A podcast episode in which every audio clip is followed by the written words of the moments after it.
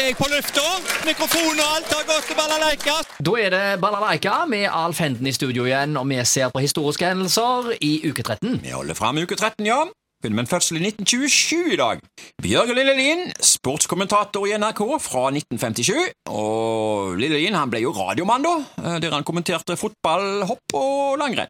Ja, og Noen ganger var han hovedkommentator, og andre Ja. ganger så var han eh, sånn støttekommentator. eh, Og Han hadde jo ganske mange faste med seg òg i en periode, så de var jo et fint team. Og de hadde en veldig sånn fin Ja. dialog. sant? På sidelinja så hadde du han som alltid ropte Bjørge! Ja, det var han.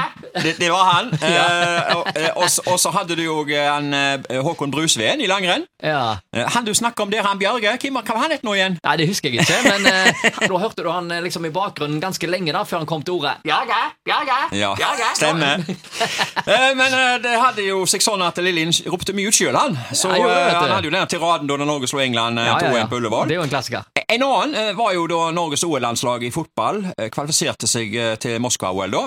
Kamerat Brezjnev, her kommer vi! Ja, Den hadde han. Ja.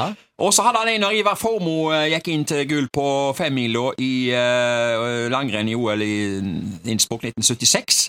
Saken er biff, saken er karbonade, saken er erter suppe. ja, stemmer det. Ja. Den husker jeg. jeg. forresten Dag Lindebjerg, han Bjørge. Ja. Ja, det var det. Det var det. Ja. 1951 fra Den må du ta med i en quiz. Ja, ikke sant. Fra en uh, Bjørge Lillien med mikrofon til en annen med mikrofon. 1951 blir Hans-Wilhelm Steinfeld født. Journalist, historiker, forfatter, programleder, men selvfølgelig først og fremst korrespondent fra Moskva. Ja. Ja. Og Steinfeld han er jo en bergenser med klar eh, stemme, for å si det mildt. Eh, på sitt mest intense så virker det jo om omtrent som han spytter ut ordene. ja, ja, ja.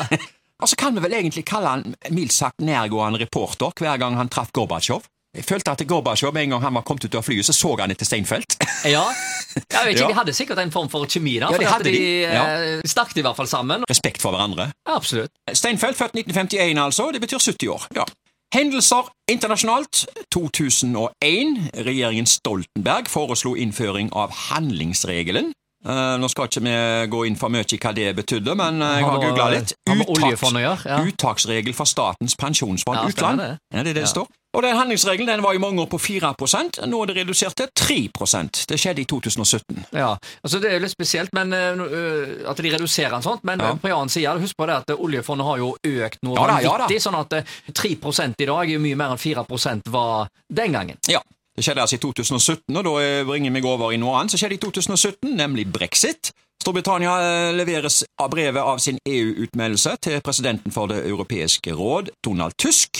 Men altså, det tok de tre år før de eh, kom seg ut av EU. Eh, Ja, det, det var ikke bare bare det. Nei, det var ikke bare Og nå bare. er det, diskuterer de å melde seg inn igjen. Ja, ja vel.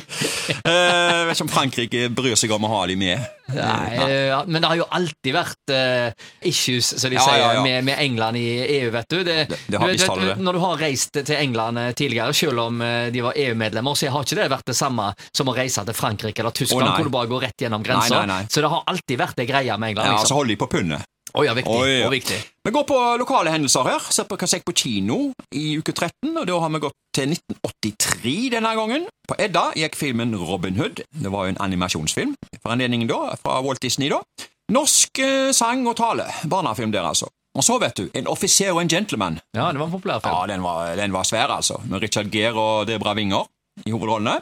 Eh, og så gikk filmen Hunden fra Baskervilles, en ungdomsfilm der med Peter Cook og Dudley Moore. Og så gikk filmen Fanny og Alexander, det var jo en film av Ingmar Bergman da. Og så tar jeg med en ungdomsfilm til her. Amor skyter bom. Det var altså filmenyen eh, på denne uka her i 1983. Og så skal vi se på andre ting lokalt. 1944. Jojo har jeg skrevet her. Haugesundspressen skrev Det er vel nå nesten ti år siden det berømte jojo-spill, den lille flatklemte knotten som trekkes opp og nedover av en hussing, gikk sin seiersgang over landet. Særlig da blant den yngre årgang. Den var jo litt av en landeplage, men har nå vært borte i mange år. Nå har den plutselig dukket opp igjen, og overalt kan en se barn med den berømte jojo. Heller ikke voksne unnser seg for å være med på leken. Dette var altså i 1944, og jojoen hadde tydeligvis uh, vært på markedet allerede på 30-tallet, eh, men han har jo virkelig dukka opp med jevne mellomrom i årene etterpå òg.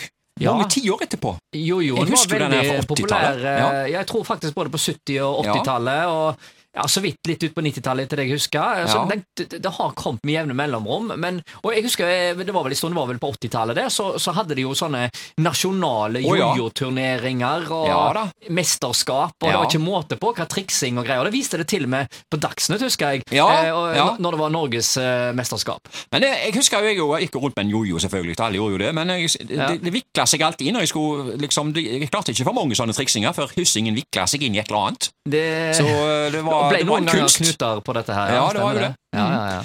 Men eh, det er vel Pokémon og sånne ting som har tatt over? For jojoen er jo ikke kommet tilbake nå på 20-30 år. Nei, det skal vel noe til før, før den kommer tilbake. Da må de finne på noe spesielt. Ja. Nå er det metaverse og Ja, det virtuell virkelighet og sånne ting som er greia. Vi går til 2006 faktisk nå. Overskrift i Haugesunds Avis. Trekker til seg folk Og det var et ordspill, eh, for det dreier seg om trekkspill. Jeg siterer videre. Når Håvard Svensrud presser luft sammen i trekkspillet sitt, strømmer den eldre garde til. Arrangementet Trekkspillene i Haugesund er kommet for å bli. I helga gikk tredje utgave av stabelen. Her møter man opp og koser seg. Folk skal ha det gøy. Det er det viktigste, sier Arne Eike i Haugaland trekkspillklubb. Fredag kveld var rundt 200 trekkspillelskere fra Egersund i sør til Bergen i nord på danseaften i Maritim Hall.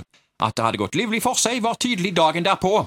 Det var ikke mange som hadde møtt opp til intimkonsert med Håvard Svensrud lørdag morgen. Å nei. Intim og intim, i den enorme salen var det i hvert fall ikke trangt, skrev de.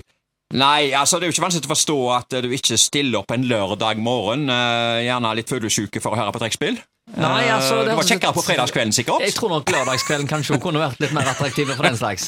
Ja. Men trekkspill, ja. eh, Det, det løyer det med det. Det samler folk og eh, skaper alltid god stemning. Jeg husker, Ja. Det er jo alltid på Olsok og Jonsok og Olsok ja, og sånt. Innover i distriktet så er det mye trekkspill i sving. Da føler jeg at uh, Ja, du, hadde jo, du hadde jo Gåmåldans med noe attåt. med Bjørn Erik Thoresen Ja, på TV. det. Husker du ikke det? Jo, jo, jo. Ja, Det var mye rart. Men nå er det egentlig bare én ting å spørre om. ja vel. Intimkonsert med trekkspill! Høtony! Hvis det er om kvelden, ja. Hvis det er om morgenen, Nei, nei. nei, nei.